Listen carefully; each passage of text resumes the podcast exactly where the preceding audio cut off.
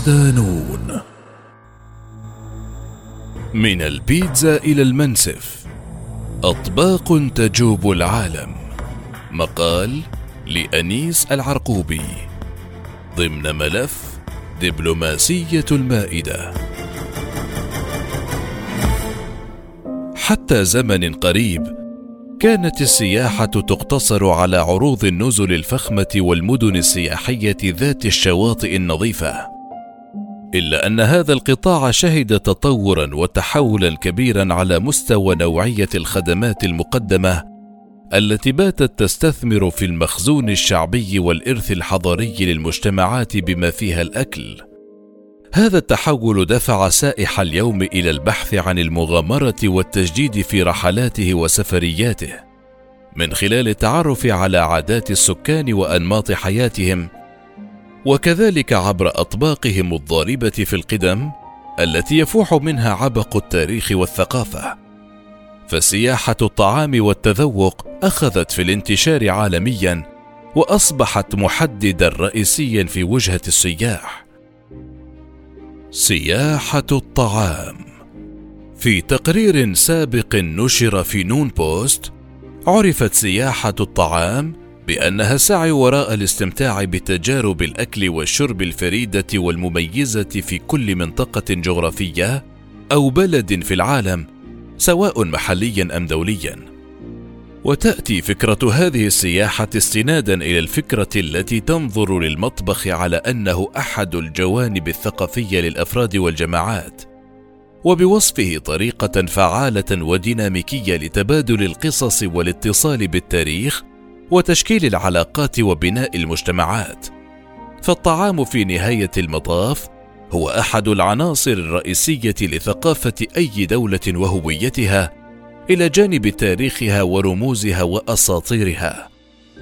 يمكن لسياحة الطعام أن تبنى على جانبين أن يستكشف الفرد المسافر الطعام الجديد في المكان بعد سفره إليه أو أن يستخدم الطعام كوسيلة لتحديد سفرياته واستكشاف الثقافات التي يرغب في استكشافها وتتضمن تلك الاستكشافات العديد من السلوكيات المرتبطة بالطعام التي تعكس نطاقا واسعا من الجوانب الثقافية والاجتماعية والسياسية والاقتصادية إضافة للتفضيلات الفردية للشعوب والأفراد.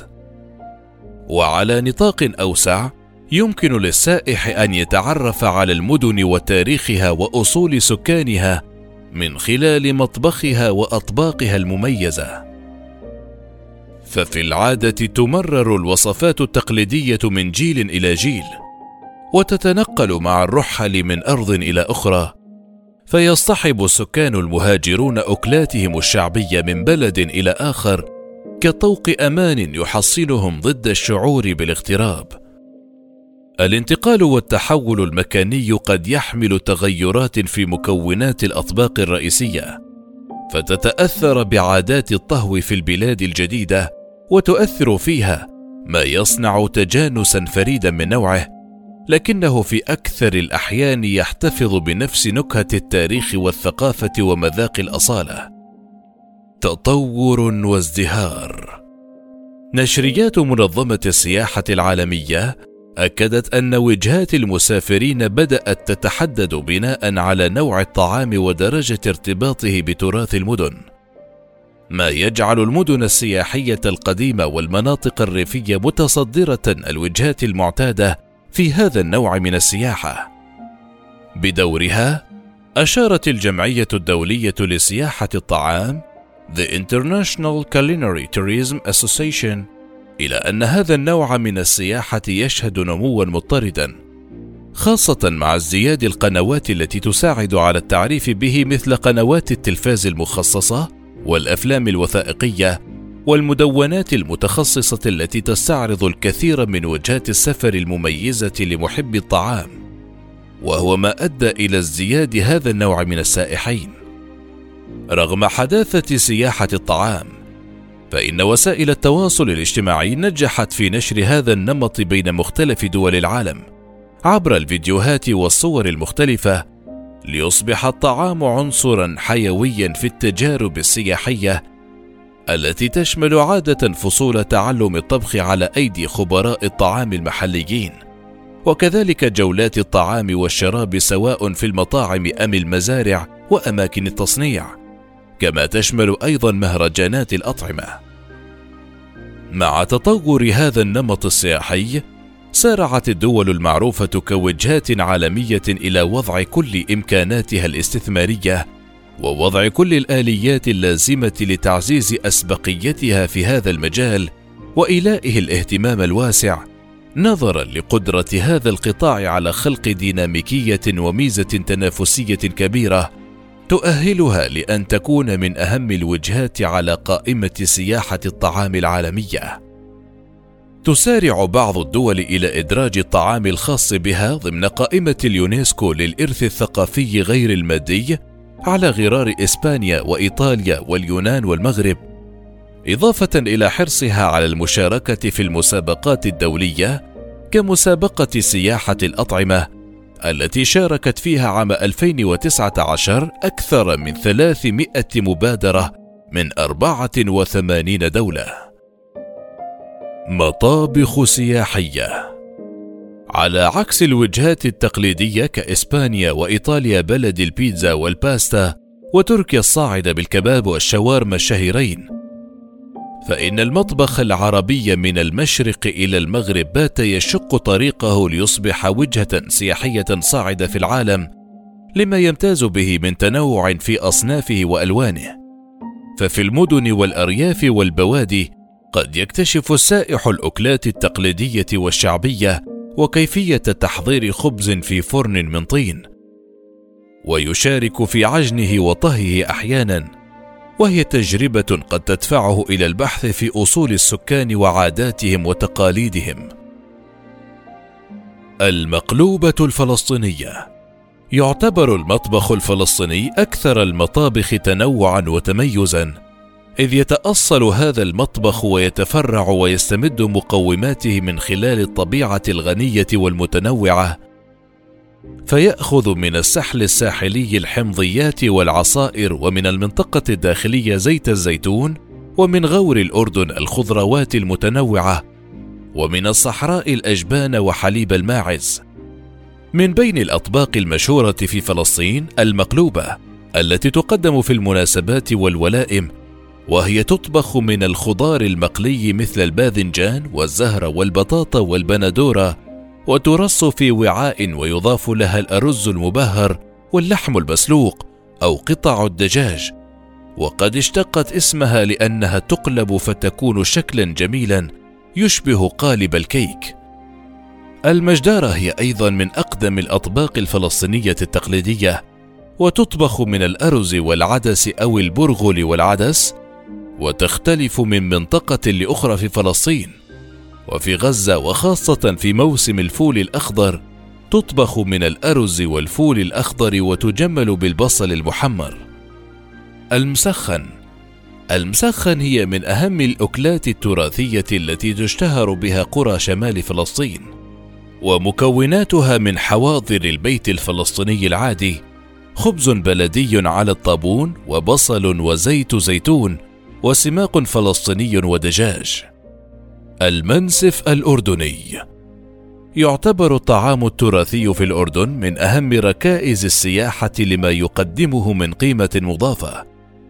ووفقا لوزيرة السياحة مجد شويكة فإن عمان مهتمة بتعزيز جودة الطعام الأردني الذي يلقى قبولا لدى السياح والزوار على حد سواء. بالإضافة إلى تمكين السائح من معايشة تجربة سياحية كاملة ومميزة خلال فترة إقامته بالمملكة. وتمتاز الأطباق الأردنية باحتوائها على أجود أنواع اللحوم وألذ التوابل وأشهى الحلويات كالكنافة والهريسة والمنسف الذي يتربع على عرش الطعام الشعبي خاصة في محافظة كرك. فهو طبق الضيافة في المناسبات ويعد من أشهر وجبات بادية الشام الواقعة بين سوريا والعراق والأردن وفلسطين. الكسكس المغربي. تعود أصول الكثير من الأطباق المغربية إلى السكان الأوائل منذ أكثر من ألفي عام، وفي البلد الواقع شمال إفريقيا يمكن للسائح أن يتعرف على الكسكسي أحد أشهر الأطباق المغربية ذات الأصول البربرية والطاجين بأنواعه. لحم الضأن مع الزبيب واللوز وطاجين الدجاج مع الزيتون والليمون المحفوظ وطاجين الدجاج مع البرقوق. حساء الحريرة هو أيضا من الأطباق التقليدية المشهورة في المغرب وهو الأكلة الرئيسية على مادة الإفطار الرمضاني. يتغنى بها الأطفال ترحيبا بقدوم الشهر الفضيل وتقول كلمات الأغنية تيريرا تيريرا وغدا الحريرة وعادة ما يقدم معها نوع من الحلوى يعرف باسم الشباكيه في المغرب أيضا قد يتذوق السائح طبقا شعبيا يحيي فيه ذاكره التاريخ الأندلسي من خلال أكلة البصيلة وهي طبق من أصل أندلسي جلبه المغاربة الذين طردوا من جنوب إسبانيا في القرن الخامس عشر. وهي نوع من المعجنات الرقيقة المحشوة بالدجاج أو الحمام أو السمك حيث تلف كالفطيره وترش بالقرفة والسكر. المندى المصري. أكلة لها مكانة كبيرة لدى سكان سيناء فيحرصون على حضورها بصفة دائمة في كل المناسبات العائلية.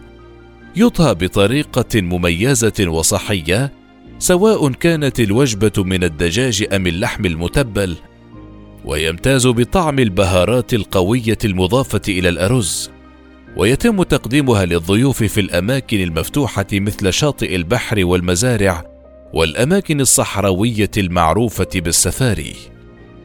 أما الأسواق الشعبية في القاهرة التي عادة ما تغري السياح بمعمارها وإرثها الحضاري والثقافي فتفتح للزوار أبواب التواصل المباشر مع الناس لتجربة تذوق طبق الفول أو الكشر الشهيرين على أرصفة الأحياء القديمة كسيده زينب ولما لا احتساء كوب شاي في مقاهي خان الخليلي.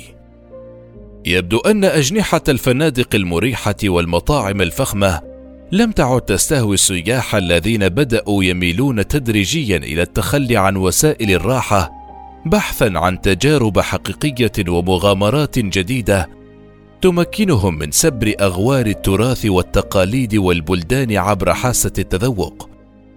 فالطعام وحده يعطي شعورا بالسفر عبر الزمن لفك رموز الحضارات القديمة. فهل تستثمر الحكومات العربية في إرثها غير المادي لتحقيق سياحة أكثر استدامة؟